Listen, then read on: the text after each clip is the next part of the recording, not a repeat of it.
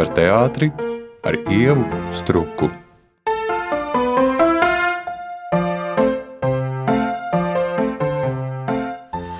Šodien raidījumā Šņurbēniņa mana viesņa ir direktore. Tas ir ļoti būtiski, jo šī pusgadā Šņurbēniņu sarunu ciklā mēs aplūkojam ļoti dažādas teātras profesijas, kas galu galā nav tikai aktieri vai režisori. Tādēļ teātris Dērtīdīla teātris direktore Anna Sīle. Sveika, Anna! Sveika, Ieva! Tā kā Dērtīdīla teātris kā neatkarīgs projektu teātris ir nevaldības teātris, tam ir tik dažādi nosaukumi. Man uzreiz jāpajautā, vien, kā tu labāk gribi, lai es saku. Nu, pašlaik eh, ir iegājies izteiciens nevaldības teātris, ko es savā ziņā akceptēju, bet no otras puses man gribētos teikt, ka daļa no mums noteikti daudz labprātāk lietotu sabiedriskais teātris kas ir teātris sabiedrībai, teātris cilvēkiem, jo, manuprāt, mēs esam un mēģinam būt ļoti, ļoti tuvu mūsu skatītājiem un mēģinam ķert to pulsu, kas norisinās apkārt pasaulē. Tās sajūtas mēģinam spoguļot tādā veidā, lai skatītāji uz sevi un ļoti bieži arī savām problēmām varētu paskatīties citām acīm. Raidījuma klausītāji noteikti ir apmeklējuši Dārtīdu teātros izrādes, bet es pieņemu, ka ir arī daļa, kas to nav darījis. Un tādēļ man liekas ļoti interesanti arī īsi, bet ieskicēt to formātu, kādā ir organizatoriskā struktūra. Un tādēļ ir šī mazliet neskaidrība. Nevalstiskais, nevaldības, neatkarīgais projektu, jo principā jau droši vien tev arī operas direktors oponētu. Viņš teikt, mēs arī strādājam sabiedrībai.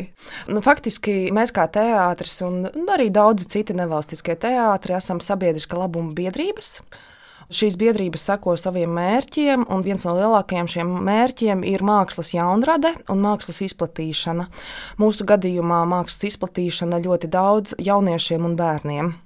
Un tā mūsu sistēma ir ļoti līdzīga tiem lielākajiem teātriem, un tā tas ļoti bieži nav ārzemēs. Tikai atsevišķos mirkļos mums ir kāda konkrēta izrāde, projekts vai pasākums, kas norisinās tikai vienu konkrētu reizi vai ir kaut kādā tādā bloku sadaļā. Mēs strādājam pēc repertuāra principa. Mūsu kolektīvā faktiski ir tehniskie darbinieki, administrācija Un tas arī viss. Visus pārējos brīnišķīgos māksliniekus mēs piesaistām, lai viņi izveidotu savas izrādes. Protams, viņi ir galvenie, bet tāda mazliet lielāka loma vēl mums ietver arī sadarbība ar aktieriem, kādā veidā mēs šīs izrādes turpinām izrādīt repertuārā. Un uh, par finansējumu mēs reizi trīs gados, lai sektu šo jomu, kas ir telpas, administrācija un tehniskie darbinieki, mēs sniedzam projektus, kur katru reizi mēs aizstāvam, kādēļ šāds teātris ir nepieciešams, kādi būs mūsu turpmāko gadu plāni, veselu trīs gadu nu jau. Un tādā veidā mēs iegūstam nu, daļu no finansējuma, lai varētu sekt uh, savas algas un vēl dažādas ļoti tādas utilitāras lietas, kā piemēram apkure vai elektrība. Katram no projektiem mēs meklējam finansējumu pie ļoti dažādiem finansējuma avotiem. Tie ir bijuši projekti gan Eiropas Savienības projekta radošās Eiropas, gan pašvaldību finansējums, gan dažādu latviešu un ārzemju fondu finansējums, gan arī, protams, visu pateicību un cieņu valsts kultūra kapitāla fondam. Un ļoti mazu daļu mēs ceram, ka kādreiz daudz lielāku mūsu finansējums aizņem no pašvaldības finansējuma, kas ir Rīgas domas. Bet tagad, vai tu, teiksim, veidojot ar domu biedriem pirms nu jau 15 gadiem, šo teātri, vai uh, tu pati sev definēji, ka tu esi arī uh, cilvēks, kas ir principā mākslinieckais vadītājs. Tas, kurš atbild nevis par to, lai visi procesi varētu notikt, bet par to, kā tas process notiks. Ņemot vērā arī tavus jaunos gadus, pirms 15 gadiem tu biji vēl jaunāka. Kas ir teiksim, ambīcijas vai tā vēlme veidot tieši tādu māksliniecisko programmu? Pirms 15 gadiem es vēl iespējams pat nezināju, kas ir Dārtīdīla teātris, jo es sāku ieraudzīt šo teātri kā teātris brīvprātīgā. Manuprāt, eh, brīvprātības kustība ir kaut kas brīnišķīgs, kur mēs varam ieraudzīt gan savas nākošās profesijas, gan to, kādā veidā cilvēki strādā daudz kur apkārt. Un droši vien šajā brīvprātības lietā visvairāk es iemīlējos no teātras grupas United Intimacy, kur man nācās arī pabūt kā brīvprātīgajiem. Nu, jā, es neesmu no paša sākuma, bet faktiski es esmu no tiem pirmajiem mirkļiem, kad uh, cilvēki man apkārt ir sākuši mēģināt definēt, kas tad ir tie divi teātro ir. Un uh, man gribētos teikt, ka tas teātris veidojās no domu grupas kopas, Un tajā laikā, pirms 15 gadiem, savā ziņā bija tāda ļoti liela vēlme iestudēt mazliet citādāk, veidot tā, kā jauniem cilvēkiem gribās, nevis tādā ļoti ierastā sistēmā, kādā veidā strādā vēl joprojām brīnišķīgi lielie teātri. Un šī domu grupa kaut kā viens ar otru satikās. Sākās tas ar uh, leļu un objektu grupu UMKA, tad mm. pievienojās arī Valters Sīlis, un Elmārs Seņkovs un Vladislavs Nastāvševs. Un kaut kā viņiem bija tāda milzīga vēlme pastāstīt par to, kas viņiem pašiem ir ārkārtīgi aktuāls. Un tajā mirklī man liekas, ka kultūra politikā bija arī ļoti būtiska iezīme, ka daļa no prioritātes bija arī tādas nacionālās dramaturgijas veidošana, jo tajā laikā pastāvēja uzskats, ka Latvijā nu, tā ar to dramaturģiju nu, varēja būt labāk. Nu, tagad jau vienmēr režisori tā var sūdzēties. Un tajā mirklī mums visiem šķita svarīgi veidot šos tagadnes stāstus, neveidot stāstus pēc dažādām lugām, bet veidot pašiem savus un kādā veidā to var izdarīt. Jo ir ļoti, ļoti daudz veidi, kā šos jaunos stāstus par tagadni vai par vēsturi, bet ar tagadnes acīm vai par nākotni ar tagadnes acīm var veidot. Un es domāju, ka, ja Rietumē Eiropā šis cikls sākās daudz, daudz agrāk, mēs vēl joprojām cenšamies pietuvoties. Nevis kaut kādā mērā līdzinoties, ja pirms nezinu, gadiem desmit varbūt ļoti gribējās līdzināties tādām lielām nevalstiskām un varbūt nu, jau tādām valstiskām mājām, kas ir Berlīnē vai Briselē un tā tālāk. Nu, tagad, manuprāt, nu, mēs esam sapratuši šādas sistēmas ieguvumus un postu. Protams, skatoties, kas notiek Eiropā, un cenšamies un mēģinam skatīties, kas notiek pasaulē, kādā veidā šī nevalstiskā kustība, kā viņa darbojas, kā tas notiek, pēc kādiem principiem mēs strādājam, kāpēc šiem māksliniekiem ir tik ļoti būtiski strādāt tieši konkrētās iestādēs.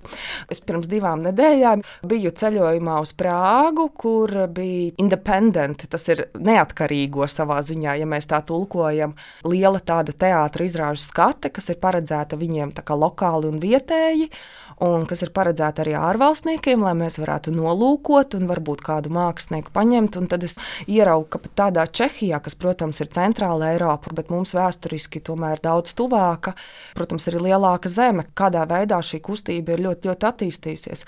Un tas, ko es saprotu, ka šiem māksliniekiem ir ļoti būtiski. Un es domāju, ka tas ir mūsu māksliniekiem mazāk būtiski. Alternatīvā estētika, Un estētika var būt ļoti dažādi traktējams mm -hmm. vārds.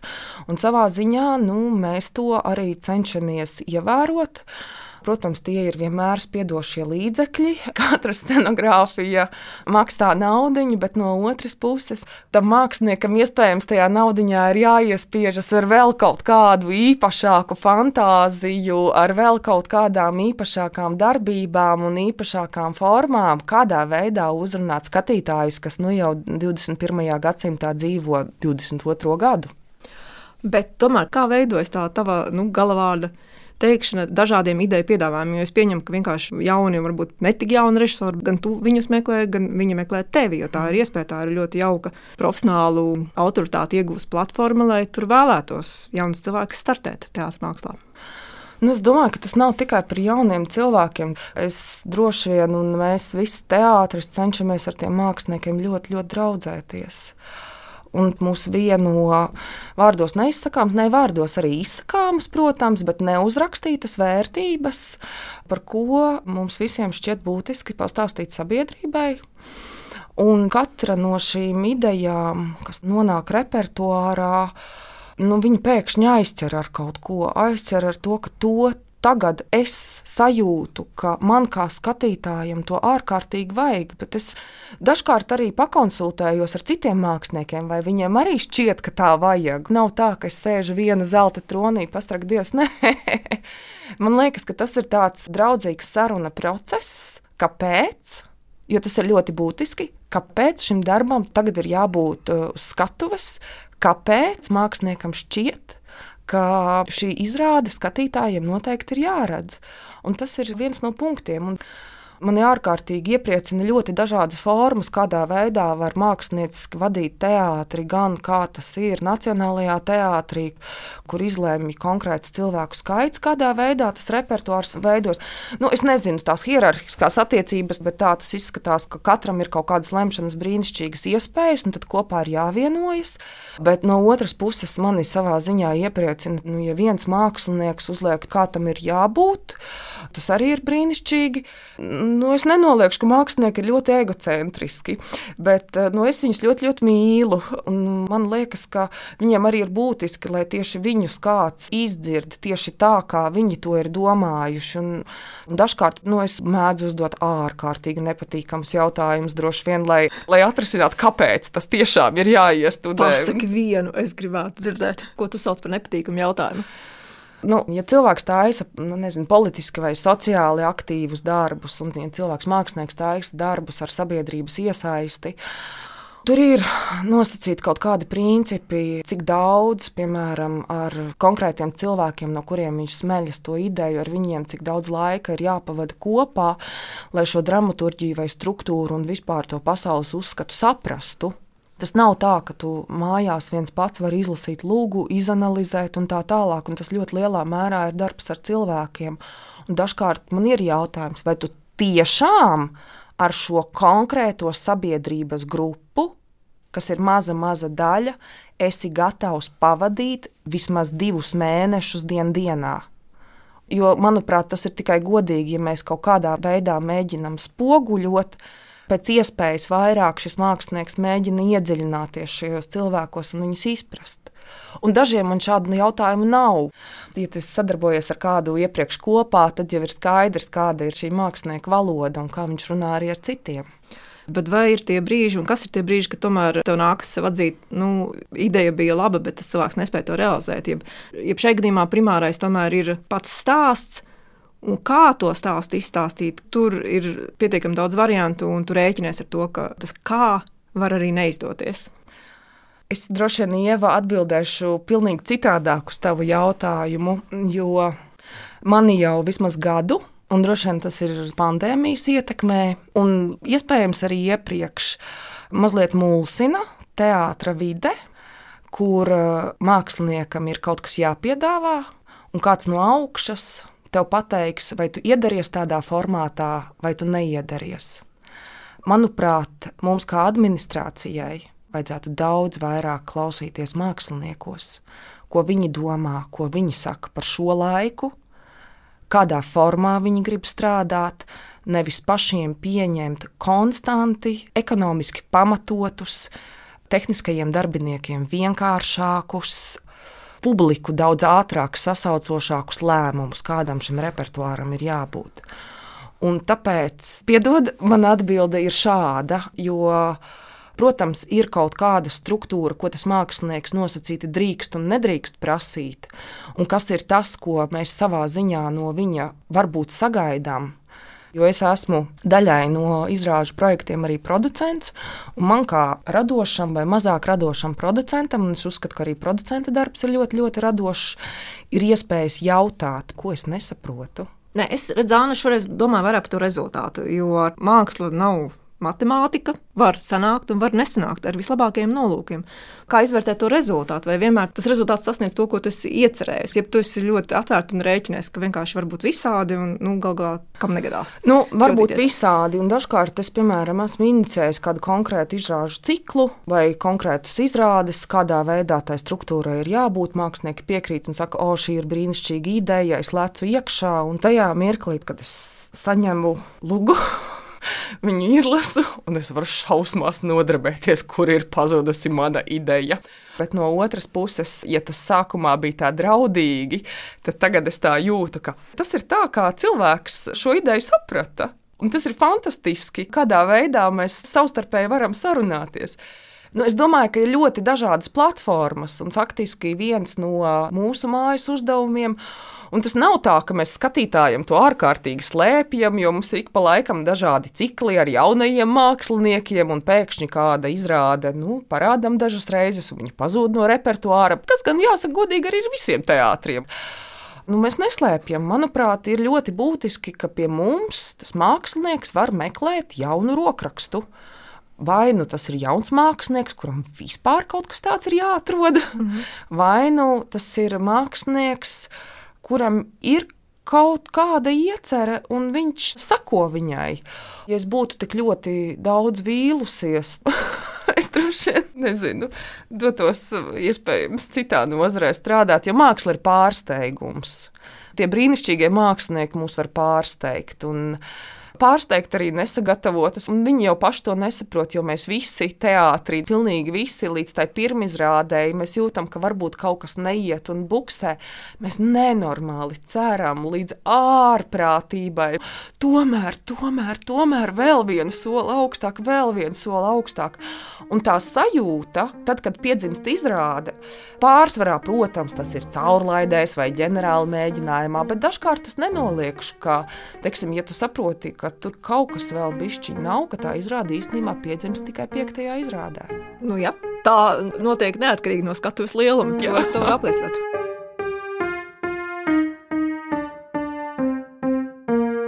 Šņurbēniņi par teātri ar ievu struku. Un mana saruna viesne ir Dertī Dilteātra vadītāja Anna Sīla. Kur tev pašai tā lielākā intriga? Vai tā, ka nāk un pirmo reizi kaut ko rada, un tu esi klāt tiešām pie jauna mākslinieka dzimšanas brīža, vai tu daudz maz vari paļauties, ka nē, no Valters Sils vai no Stavševs vai Seņkovs, nu viņi nevar uztaisīt slikti, bet varbūt var, nezinu. Tas ir ārkārtīgi grūts jautājums, jo man liekas, ka tā ir tā jaunā rokraksta meklēšana. Un, ja vienam tā ir tur, kur tu tausties un to dari pirmās reizes, un kur ir jāpastāsta, ka divas nedēļas pirms pirmizrādes pie tevis tur sāks nākt gaismu mākslinieks, kaut kādas tādas lietas. Un es varu pateikt, godīgi, ka man laikam ar tiem Latvijas nevis vidējiem, bet vidējiem un ģeniālajiem režisoriem ir tā sajūta, ka ir forši. Bet es no viņiem gaidu kaut ko negaidītu, ko es viņos vēl nepazīstu. Un lai arī cik laba izrāde būtu, bet nu, tas ir ārkārtīgi specifiski. Tas, ko es sagaidu no mākslas, kur man rodas pārsteigumi un kur man, diemžēl, vairs nerodas pārsteigumi tā taustīšanās un meklēšana ir tas, kas man laikam patīk. Teiksim, dažās izrādēs tā taustīšanās meklēšana ir bijusi un ir bijis gandrīz, gandrīz. Un tad viņš aiziet un kaut kur, nezinu, dailē uzstājas tā teikt, ir. Tā kā man liekas, ka mums, kā māksliniekiem un teātra vadītājiem, šiem brīnišķīgiem māksliniekiem, ir jādod daudz lielāka brīvība. Man liekas, ka tādā veidā tā teātris māksla attīstās. Nu, viņa turpina kaut kā sarunāties ar sabiedrību, jo, ja viņa stāv konstantos ierakumos, kādam ir jābūt teātrim, čik, čik, kastīte, kastīte, kastīte, un trīs izrādes vakarā, čik, čik, čik, čik, čik citādāk nevar. Un es arī saprotu, ka tā ir vienkārši ārkārtīga loģistika, un es arī to saprotu arī savās mājās, cik tā loģistika ir ārprātīga. Bet man pat gribas nezinu, aicināt, atļaut tiem māksliniekiem vairāk, jo tad arī pie manis viņi nāks un atļausies vēl vairāk. Protams, visvairāk tajā mākslā jau gribas to, ko nu, tas nu, tev nebija ienācis prātā kā skatītājiem. Un tas pārsteiguma brīdis, to jau mēs jebkurā institūcijā vai jebkurā mm. mākslas procesā vēlamies saredzēt. Bet, piemēram, ja apmeklējot Kristus Burāns iestudētos netikumīgos, man ļoti patika, uzreiz jāstāsta, bet Es nebiju pārsteigta ieraugot tur skolas vecuma jauniešus. Tad kā ir ar pārējām izrādēm? Cik daudz tu redzi, kā tā publika nomainās un ar ko viņa atšķiras? teiksim, no cilvēkiem, kuriem varbūt jau ir 30 gadi, varbūt jau ir 40 gadi, kas tomēr arī apmeklē ielu teātru. Nav tā, ka tas būtu akurāt jaunatnes teātris, bet vai tu redzi šo jauno publiku un uh, ar ko tad viņi atšķiras un vai atšķiras? Tādu pavisam jauno publiku mēs diemžēl neesam redzējuši gandrīz divus gadus. Mēs viņus esam redzējuši Zoom lodziņos tā ļoti, ļoti attālināti. Mēs viņus esam redzējuši gandrīz nemaz, jo mums liela daļa no repertuāra iepriekš pirms diviem gadiem bija tāda paslēpta un neredzama pārējai sabiedrības daļai. Viņa jau bija izpārdota, jo mēs dienas laikā ļoti aktīvi spēlējām programmā Latvijas skolas Soma. Gan izrādes pavisam maziem, nu, pirmajām klasēm, gan arī vidusskolēniem. Es saprotu to jautājumu par laika garu un par to, kādā veidā tā sabiedrība mainās. Un, nu, ja es droši vien vēl pirms kaut kāda laika tā neteiktu, bet tagad es varu tā pateikt godīgi, ka es nezinu. Es tev katru dienu uzdodu šo jautājumu. Man šis jautājums ir ārkārtīgi būtisks. Mēs tik sen ar saviem skatītājiem simtprocentīgā sastāvā neesam satikušies. Mēs viņus ļoti, ļoti gaidām atpakaļ teātrī. Mēs gaidām vismaz tos, kas ir izslimojuši, Mēs arī teātrī un pilnīgi visās kultūras iestādēs šo divu gadu laikā esam ārkārtīgi skrupulozi ievērojuši visus noteikumus un turpināsim to darīt. Bet es gribu teikt, ka tagad nākt ir drošāk. Tagad vajag nākt.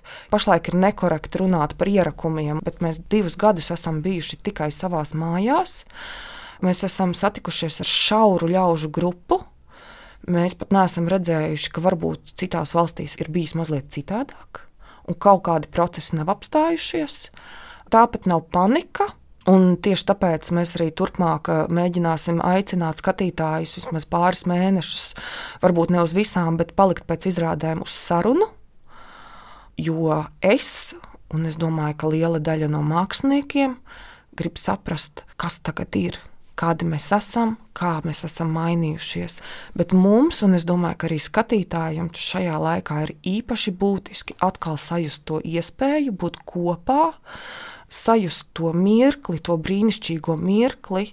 Mēs nevis katrs savā mājā skatoties filmu, un to mēs nevaram iztēloties. Mēs esam apsēdušies, plecu pie pleca, izdzīvojam tieši tās pašas emocijas, ka mums apkārt vēl ir Dailas teātrī tūkstots cilvēkiem, Dērtīdīla teātrā 80 cilvēkiem ir sajūta, ka mēs to piedzīvojam kopā, nevis katrs atsevišķi. Nu, Respektīvi, tie divi gadi ir bijuši ārkārtīgi smagi. Ja tie divi gadi, es domāju, ka jā. šie divi gadi ir bijuši vienkārši graujoši ne tikai māksliniekiem, bet visiem cilvēkiem, jo kultūras iestādes un arī sports ir tas mirklis, kur mēs visi kopā varam pulcēties. Tas mirklis, kur mēs visi varam sajust uh, to, ka mēs kaut ko gribam no mākslas. Un tas uh, visiem ir pietrūcis. Un šajā laikā, kur tāda, tāda nenoteiksme, ka kaut kas ir beidzies un kaut kas vēl nav sācies, arī māksliniekiem ir ļoti, ļoti grūti saprast, kas tas ir, uz kuru pusi mums ir jāiet. Un tagad neviens nesaka, ka nedrīkst ceļot. es arī šajā nedēļas nogalē biju vēl vienā citā valstī, visi ietaupījumi iztērēti. Jo māksliniekiem šogad laikā arī nav bijis baigi viegli, bet man šī tā kā būtiski saprast, kas notiek. Es biju Spānijā, Barcelonā un arī apskatījos, kas notiek ar teātri. Bet tas, ko es ieraugu, ir ka tas teātris ir kaut kādā kā pagājībā. Bet tad tu aizēji noskaties tās savas septiņas, astoņas izrādes, un tu tā kā hops ieliec atpakaļ. Un es domāju, ka skatītājiem ielikt atpakaļ, nu, tādam nu, nevis gardēžu skatītājiem, ne visi gardēži un visas gaumas brīnišķīgas, būs ielikt vēl daudz, daudz vieglāk.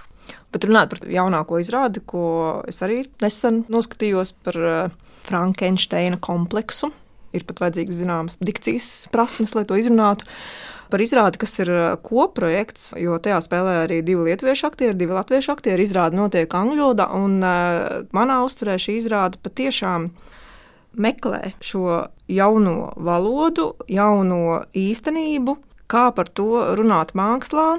Daļai kaut kādā ziņā es teiktu, ka tam pieskaras arī Edgars Mākens savā kamerā operā kontakts, bet nu, šeit izteikti par to ir un kas notiek brīdī, kad mākslīgais intelekts uzsāk komunikāciju ar cilvēku, ja cilvēks uzsāk komunikāciju ar mākslīgo intelektu, un cik tālu viens var cilvēciskoties, un cik tālu otrs var būt kaut kādā ziņā, ja mēs kaut mazliet ar pusteikumu pieskaramies notikumiem. Starptautiskajā arēnā, cik ļoti ātri cilvēki var pazaudēt arī nu, jebkādu saprāta balsi, kaut kādu ļoti grūti saprotamu motīvu dēļ. Un tad, kā tev pašai šķiet, cik tā teātris, kā dzīvās mākslas konfrontācija ar mākslīgo intelektu, vispār teiksim, ar modernām tehnoloģijām, cik tā ir aktuāla tēma un cik teātris var sēdēt tajā savos kaut kādā nozīmē ierakumos un teikt, o, mēs esam tiešām vienīgā dzīvā māksla, jo viss pārējais ir pieejams arī konservētā veidā. Bet nu, šeit mēs klātienē skatāmies šo konfrontāciju starp mākslīgo intelektu un dzīviem cilvēkiem par to mākslīgo intelektu, tas tāds jājams zirdziņš un aktualitāte. Mēs sapratām, ka mēs nevaram gaidīt, bams tas ir jārealizē pusgada laikā, savādāk to kāds cits paņems.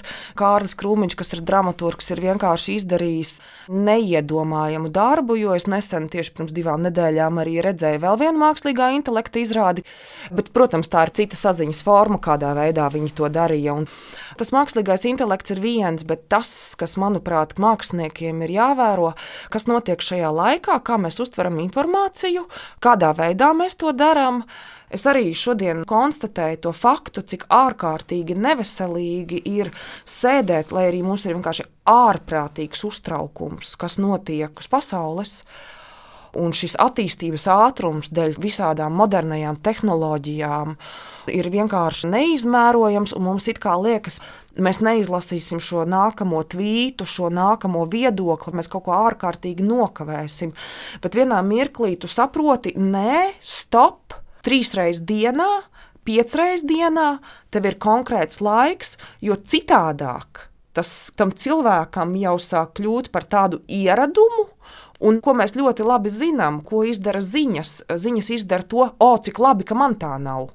Un cik mēs esam patiesi, un cik mēs varam līdzi just katru lasot šo ziņu, mēs saprotam šo situāciju, un šausminoties un baidoties vēl aizvien vairāk un vairāk. Tas ir tikai viens konkrēts piemērs, bet manuprāt, mums kā māksliniekiem ir jāsaprot, ko šie divi gadi ir uh, mainījuši mūsu sabiedrībai kā tādai Un attiecīgi arī ir jārēģē, attiecīgi ir jāveido tāda veida darbi, kas ir par tagadni, par šodienu, par to spoguļošanos.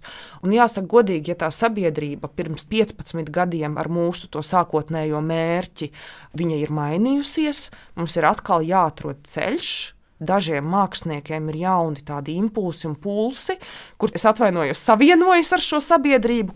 Mums būtu ļoti, ļoti aktuāli lai šie cilvēki plecu pie pleca sēdētu blakus, un viņiem par šo mākslas darbu būtu tieši tāda pati sajūta kāda māksliniekiem.